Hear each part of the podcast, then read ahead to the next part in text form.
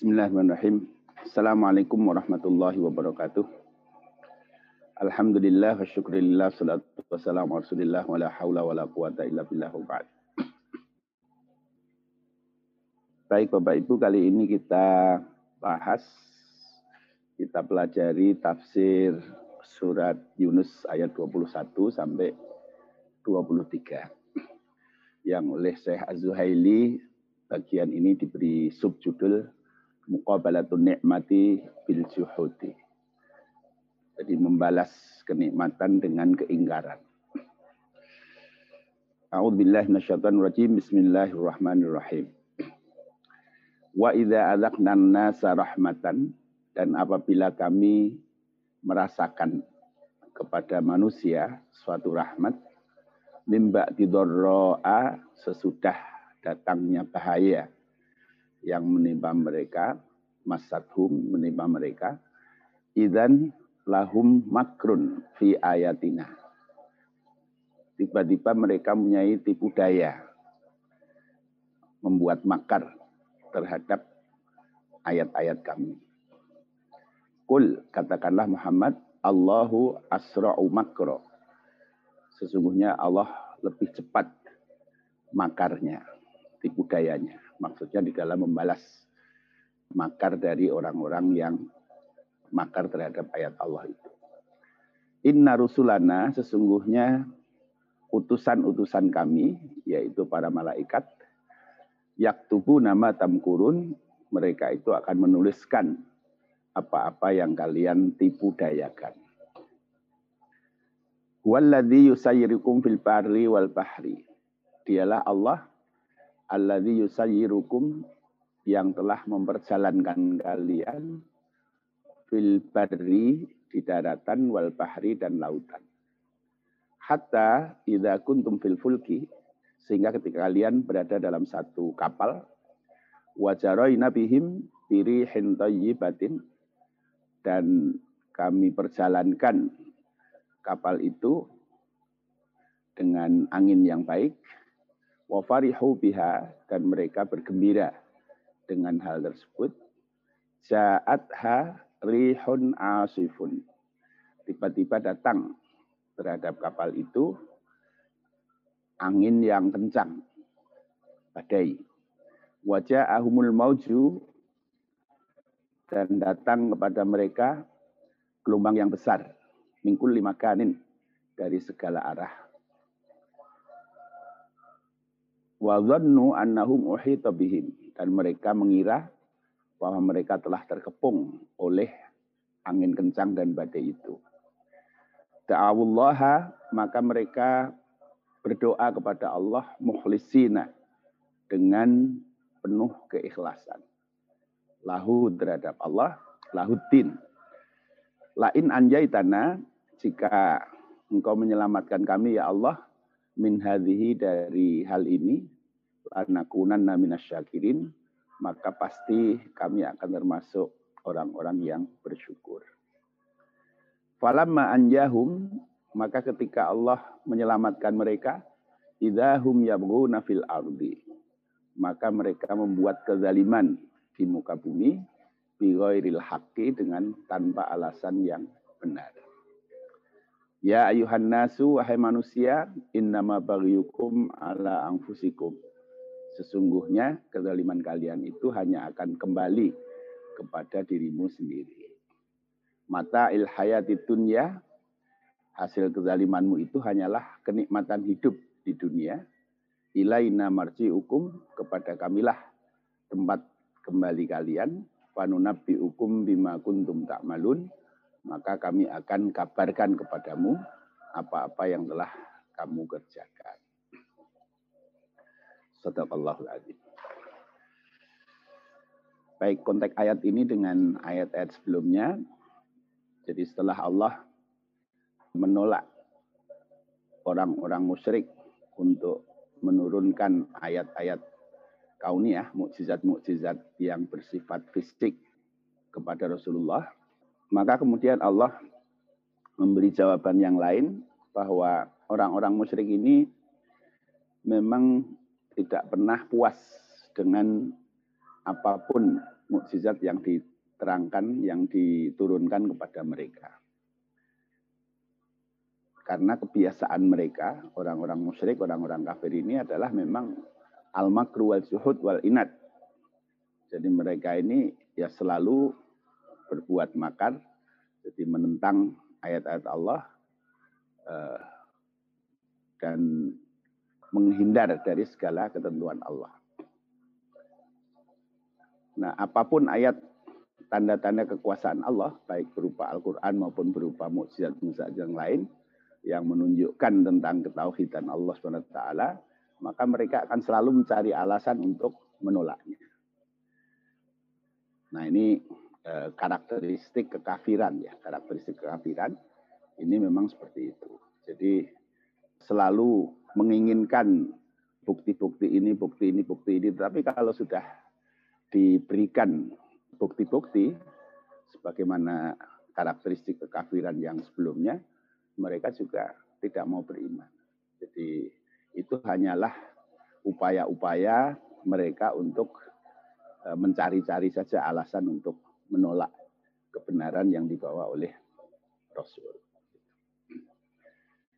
Nah, di dalam bagian ini Allah memberi tahu kepada kita karakteristik lain dari kekafiran itu yaitu ketika mereka sedang dalam keadaan sulit mereka mendekat kepada Allah tetapi ketika sudah lepas dari kesulitan itu nah mereka kembali lagi kepada karakteristik kekufurannya nah itulah sifat dari kekafiran.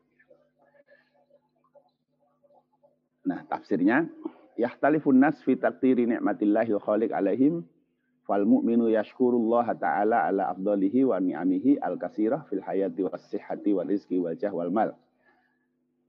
Wal kafir awil musyrik yuqabilu ni'mah bil juhud wa yatanakkaru lil ma'ruf wa yansa ma tafaddala bihi Allahu alaihi min nasatin ba'da khaufin wa amnin ba'da qalqin wa afiyatin ba'da maradin wa ghaniyin ba'da faqrin wa izzin ba'da zillin.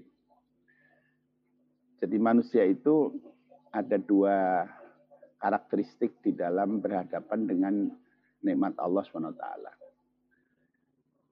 Yang pertama, orang-orang mukmin ini akan selalu bersyukur kepada Allah terhadap segala nikmat yang Allah berikan kepada mereka itu.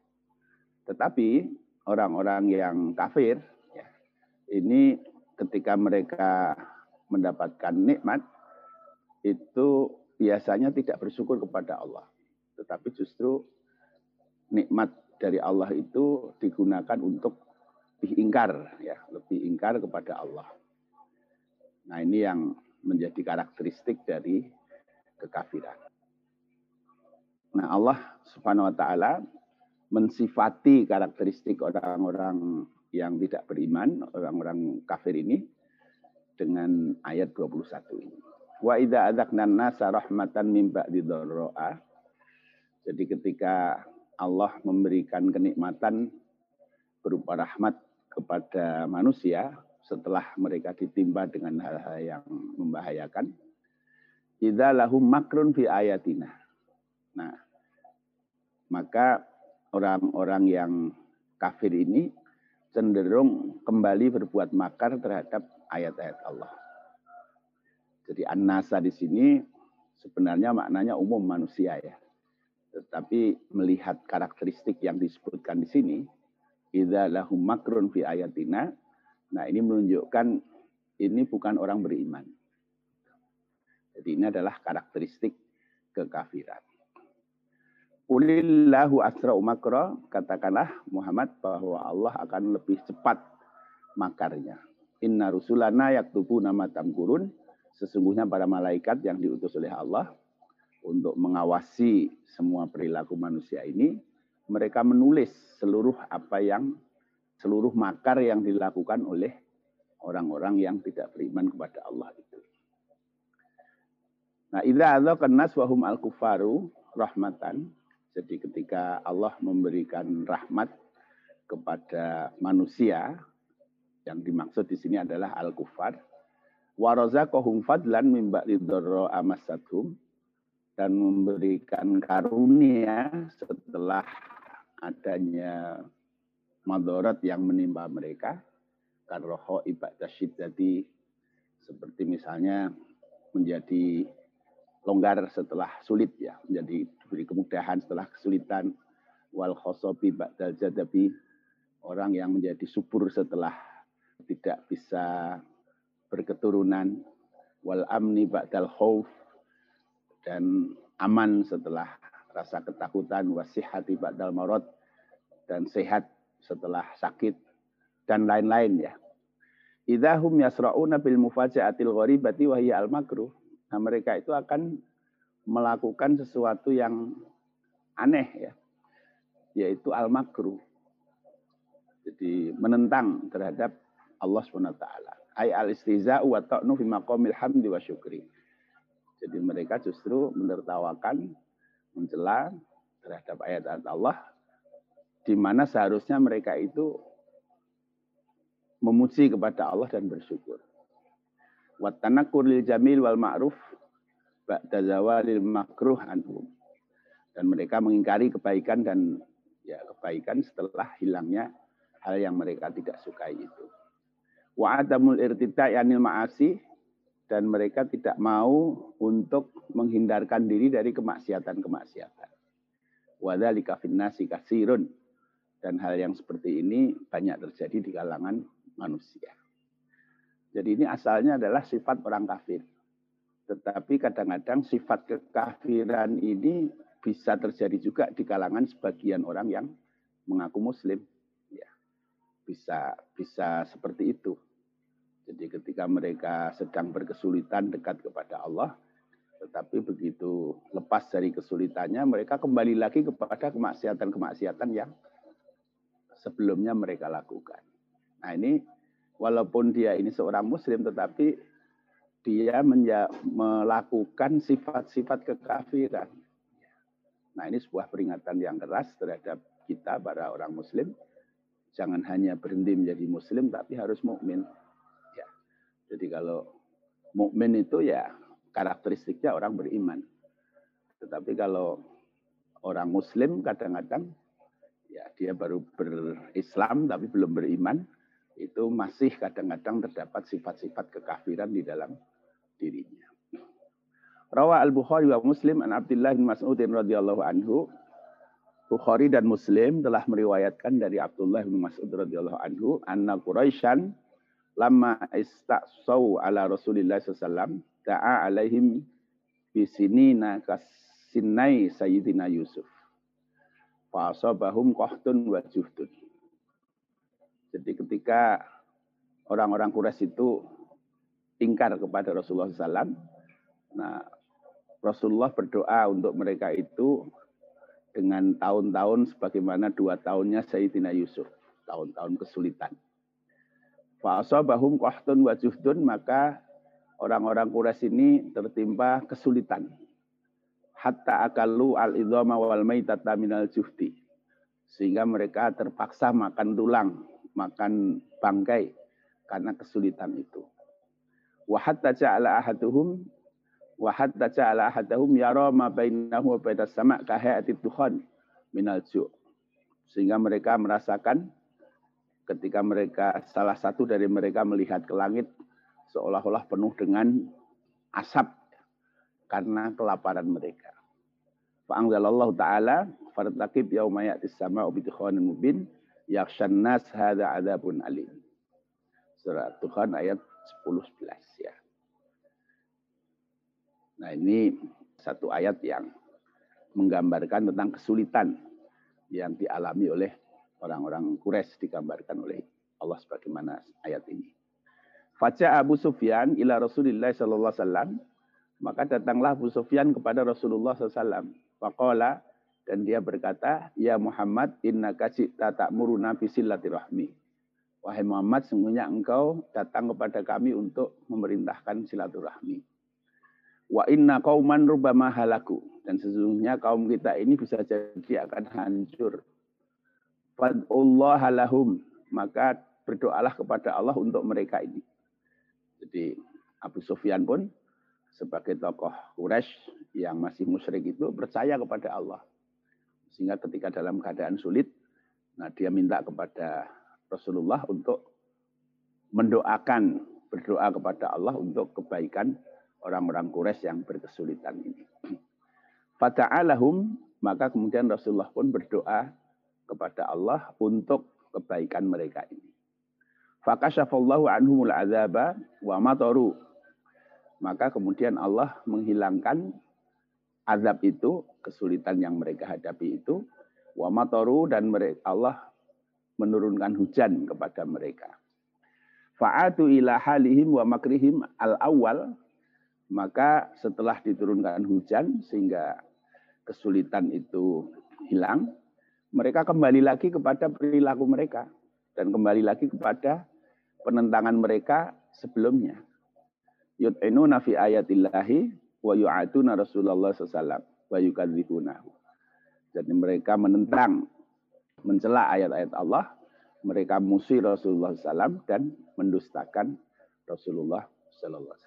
Nah, ini contoh ya perilaku orang Quraisy ketika mengalami kesulitan dengan tidak turun hujan selama beberapa tahun dan mereka betul-betul dalam keadaan yang sulit digambarkan oleh hadis ini. Nah, datang Abu Sufyan kepada Rasulullah minta untuk didoakan. Nah, begitu didoakan oleh Rasulullah, Allah menurunkan hujan. Nah, kembali terasa kehidupan bisa lebih baik lagi, tapi kembali lagi mereka menentang ayat-ayat Allah, memusuhi Rasulullah dan mendustakan apa yang diajarkan oleh Rasulullah SAW.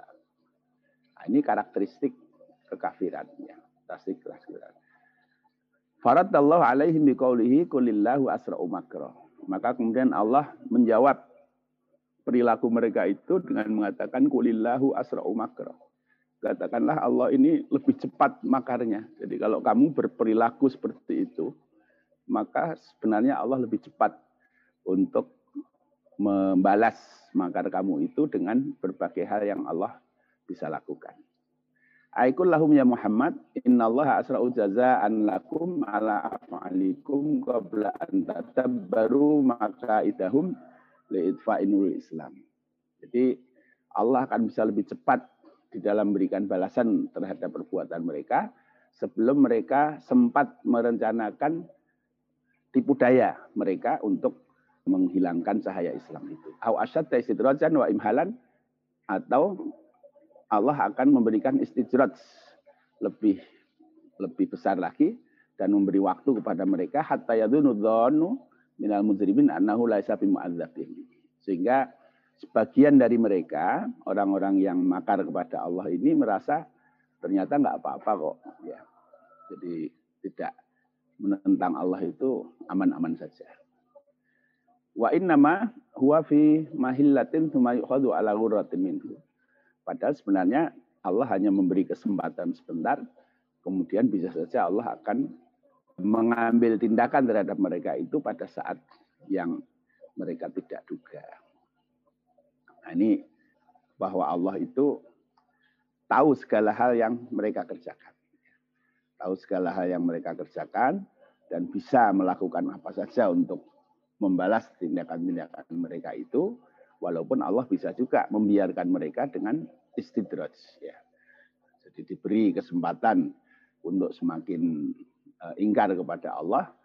Nah pada satu saat Allah akan mengadab mereka pada saat yang Allah kehendaki. Inna rusulana yaktubu nama tamkurun. Allah menegaskan bahwa sesungguhnya para malaikat al-hafadhah awil katabah minal malaikatil kiram. Jadi para malaikat yang bertugas untuk menulis dan mengamati seluruh perilaku umat manusia ini yaktubu najami amata fa'alunahu wa tutabbirunahu au nalahu. Jadi akan menulis semua yang mereka kerjakan atau mereka rencanakan atau uh, mereka ya rencanakan terhadap Rasulullah SAW wa yahsunahu alaikum summa yu'ridunahu 'alallahi alimal ghaibi wa syahadati. Nah, kemudian menghitung apa yang mereka lakukan itu kemudian akan di eh, serahkan catatan-catatan itu kepada Allah alimul ghaibi wasyahadah. Fayujazi kullat minkum alal jalili wal hakim. Kemudian Allah akan memberi balasan terhadap masing-masing dari kalian uh, sesuai dengan kondisinya. Wa fi hadza dalatun ala tamamil hifzi wal inayati wa adami khufa'i tadbirihim ala Allah Ta'ala. Nah ayat ini menjadi dalil tentang kesempurnaan Allah di dalam mengetahui seluruh perilaku mereka. Dan tidak ada sesuatu yang tersembunyi dari Allah e, dari perilaku mereka itu. Wala anak ikob bahwa wakiun bihim lama mahalata. Dan bahwa ikob terhadap mereka itu pasti akan terjadi. Nah ini firman Allah, Qulillahu asra'u makro inna rusulana yatubuna matam kurun ini memastikan bahwa seluruh perilaku orang-orang yang musyrik, kafir, atau perilaku kekafiran sebagaimana yang terjadi di ayat ini, itu pasti akan tercatat dan pasti akan mendapatkan balasan dari Allah Subhanahu wa taala. Walladzi yusarikum fil barri wal bahri hatta idza kuntum fil fulki wa jaruna bihim birihin thayyibatin wa farihu biha ja'at harihun asifun wa ja'ahumul mautu min kulli makanin wa dhannu annahum ihita bihim da Allah mulisina lahuddin. La in anjaitana min hadhihi lanakunanna minasyakirin. Walamma anjahum idahum yabghuna fil ardi bi ghairil haqqi. Nah, dialah Allah yang memperjalankan kalian di daratan. Di daratan mungkin dengan jalan kaki, mungkin dengan kendaraan, nah, dengan bermacam-macam ya.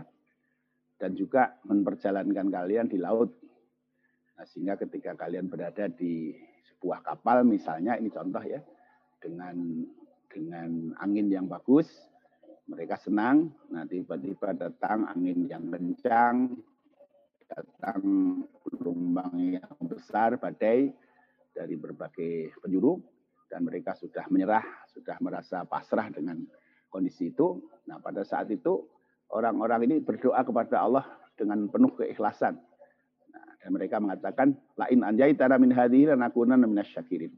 Ya Allah, seandainya Engkau selamatkan kami dari malapetaka ini, sungguh kami akan menjadi orang-orang yang bersyukur.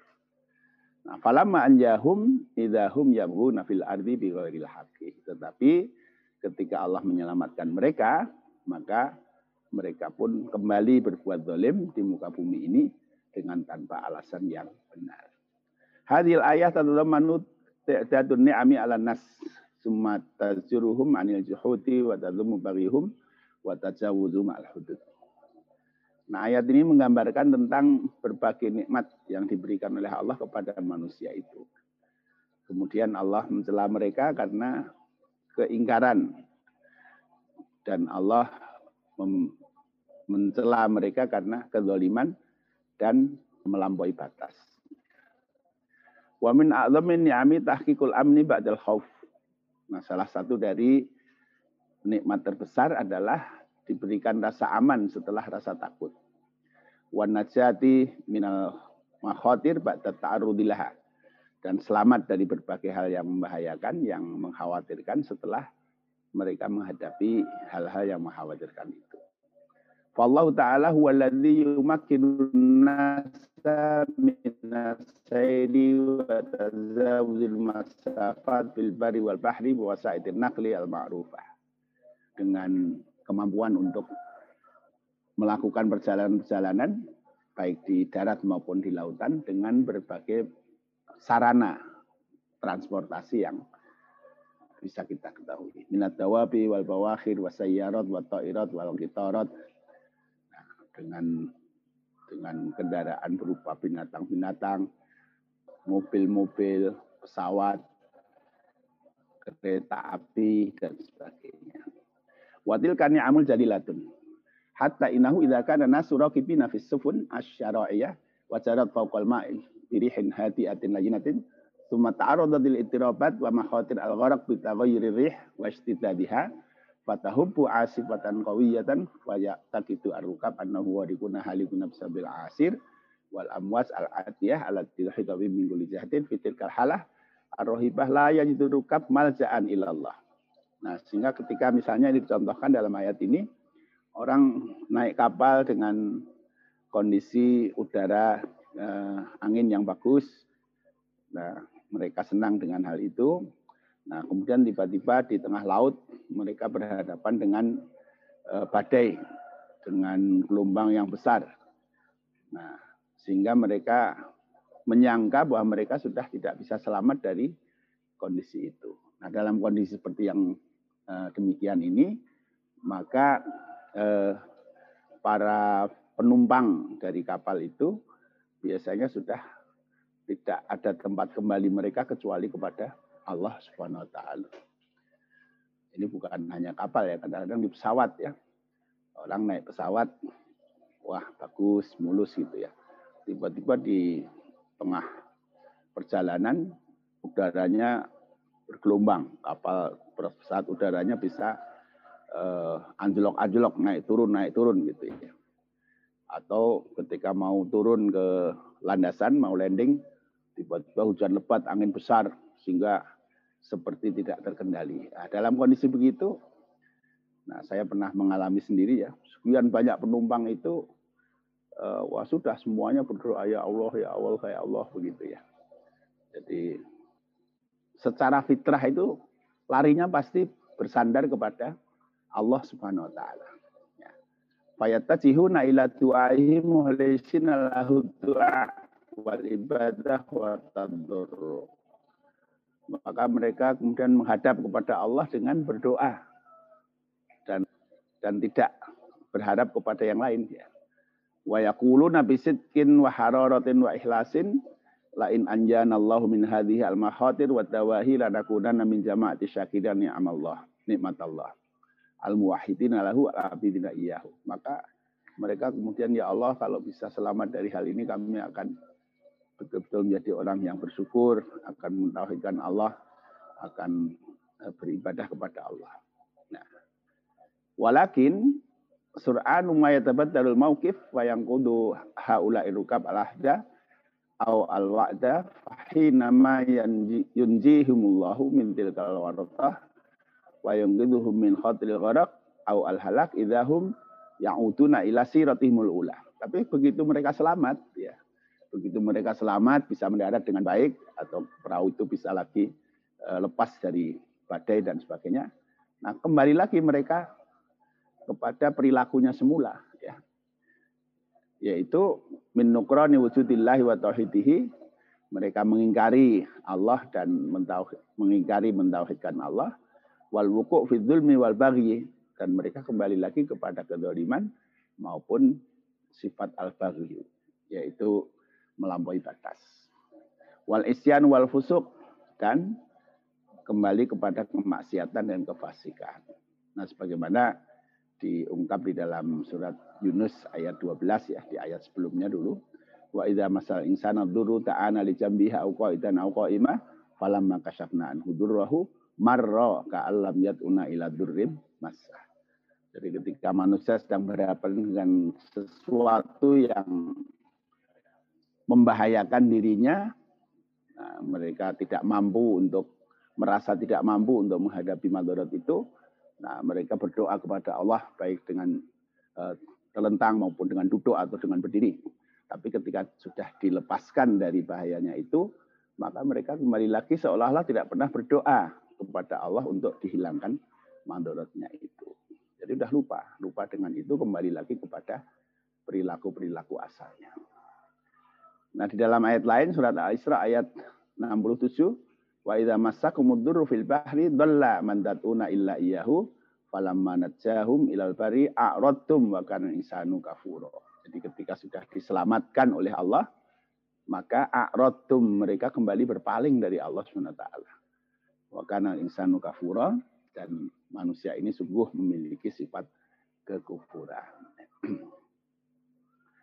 Summa jajara Allah ahlal baghi wal israf, ahlal baghi wal israf wal juhid wal ingkar wal maksiat wal dalal faqala subhanahu ya ayyuhan nas innama baghiyukum ala anfusikum. Kemudian Allah mencela kepada orang-orang yang berperilaku seperti itu dengan mengatakan, wahai manusia sesungguhnya kezaliman kalian itu hanya akan kembali bahayanya kepada kalian sendiri. Ai inama wabala hadzal baghi wa jazaa'uhu wa jaza'ahu wa ismahu ala anfusikum bid dunya wal akhirah. Jadi resiko dari kedoliman kalian dan balasannya, dosanya, itu hanya akan kembali kepada kalian. Baik akan kembali di dunia maupun di akhirat. Wala taduruna bi adan ghairakum. Dan kedoliman kalian itu tidak akan membahayakan siapa pun selain diri kalian sendiri. Tatamat ta'una fit dunya mata anza ilan la lahu. Dengan kedoliman kalian itu, kalian merasa senang di dunia ini dengan kesenangan yang gampang sekali hilang tidak akan kekal. Nah, min taubikhid dhamir wal wustan awi ta'arud li anwa'il balaya wal amrad wal qalaqil awil khusran fi nihayatil amri. Jadi balasan dari kedoliman itu bisa ketidaktenteraman hati atau akan berhadapan dengan berbagai balak, penyakit-penyakit, keguncangan-keguncangan. Wa fil akhirati aidan jazaa'un muhakkikun alal baghi wal inhiraf. Nah di akhirat juga pasti akan berhadapan dengan balasan terhadap kedoliman dan penyimpangan itu. Lianna masiro jami al khalaik wa ma'alihim ilallah yaumil qiyamah. Karena tempat kembalinya seluruh makhluk itu di hari kiamat hanyalah Allah SWT. Fayukhbiruhum bijami amalihim wa yujazihim alaihi al-jaza al-awfa al-munasib. Nah, sehingga Allah akan membalasi mereka dengan eh, Allah akan menyampaikan memberitakan tentang semua perilaku mereka nanti dan akan memberikan balasan kepada mereka sesuai dengan balasan yang setimpal. Bisa babi makanu ya malun karena perbuatan-perbuatan mereka. Wa fi tahdidun kafin wa wa'idun qati'un syafin.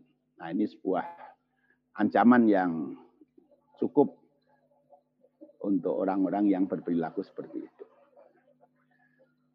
Nah, wal bagyu yang dimaksud dengan al bagyu di dalam ayat ini adalah aziyadatu alal qasdi wal i'tidal hatta al wuqu' fil fasad wa dzulmi kasyirki.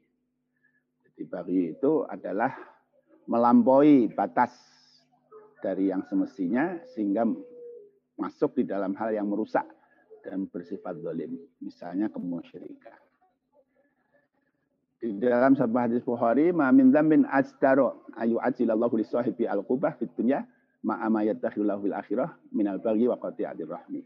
Tidak ada dosa yang lebih cepat akan dibalas oleh Allah terhadap pelakunya di dunia uh, disertai dengan apa yang nanti akan ditunda di akhirat daripada al-baghyu wa qati'atur rahmi.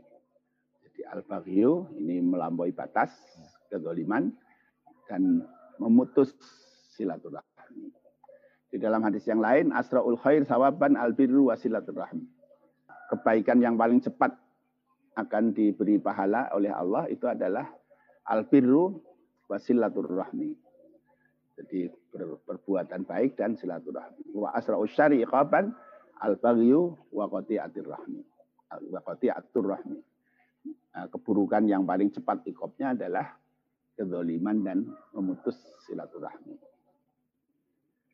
Sintani ya yu'ajjilumallahu fid dunya. Ada dua hal yang Allah akan percepat azabnya di dunia. Wa uququl walidain. Yaitu al-baghyu dan uququl walidain. Durhaka kepada kedua orang tua. Wa amma fil akhirati fal jazaul muhaqqiq al-baghi finnar. Nah, adapun di akhirat nanti balasan bagi orang-orang yang melakukan kedoliman itu ya neraka. Wa hadza ma afadahu qalu ta'ala tsumma ilaina marji'ukum dan ini yang bisa kita ambil pelajaran dari firman Allah Ta'ala, summa ilaina marji'ukum. Kemudian kepada kamilah tempat kembali kalian. Ai inna masirakum wa ma'alakum ilaina yaumal qiyamah yaumal fasri wal jaza. Fanukhbirukum jami' amalikum wa nuwafikum iyaha wa nujazikum alaiha jaza hal aufa al munasib bisa babima kuntum ta'malun. Jadi tempat kembali kalian nanti hari kiamat adalah kami. Dan kami akan memberitahukan kepada kalian seluruh amal kalian dan akan membalasi seluruh amal itu sesuai dengan balasan yang setimbal karena perbuatan-perbuatan kalian. Faman wajada khairan falyahmadillah, maka nanti di akhirat jika kalian mendapati kebaikan, maka bersyukurlah kepada Allah, pujilah Allah. Waman wajada ghaira dzalika fala yalumanna illa nafsah Kalau nanti mendapati balasan yang buruk dari Allah SWT, maka jangan mencaci siapa pun kecuali dirinya sendiri. Jadi Allah SWT ini akan memberi balasan kepada semua manusia sesuai dengan amal mereka. Kalau dapat balasan kebaikan, bersyukurlah kepada Allah. Nah kalau misalnya ada orang yang mendapatkan balasan buruk di akhirat dengan azab Allah, maka jangan mencela, jangan mencaci maki siapa pun kecuali dirinya sendiri. Karena apa? Karena di dunia ini kita diberi pilihan untuk melakukan amal-amal sesuai dengan uh, kemauan kita.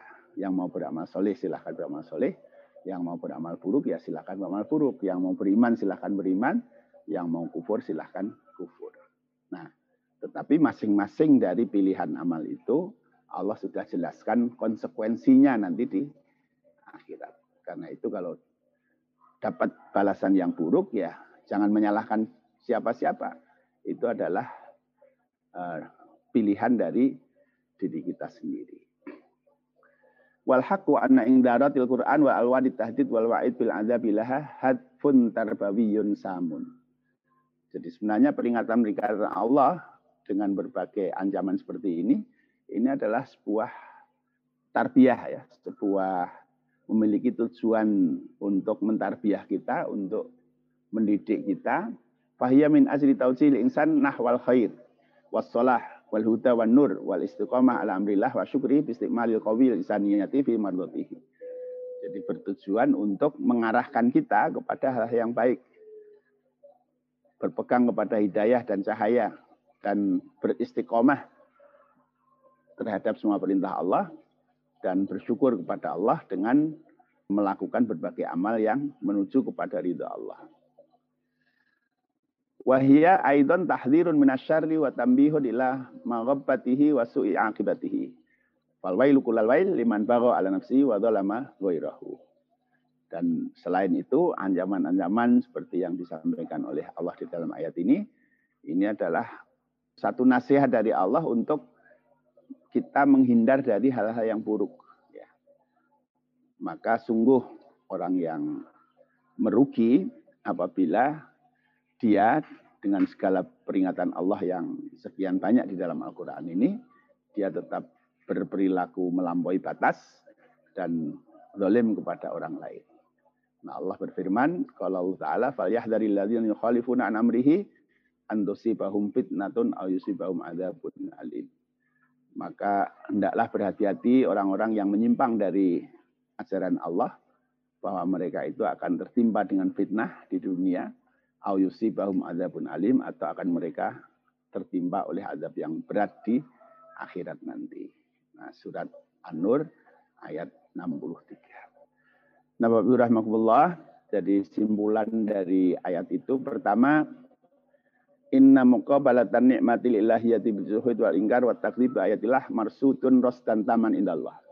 Sesungguhnya ketika orang membalas kenikmatan Allah yang diberikan kepada mereka dengan keingkaran dan pendustaan terhadap Allah itu selalu dalam pengawasan Allah yang sempurna.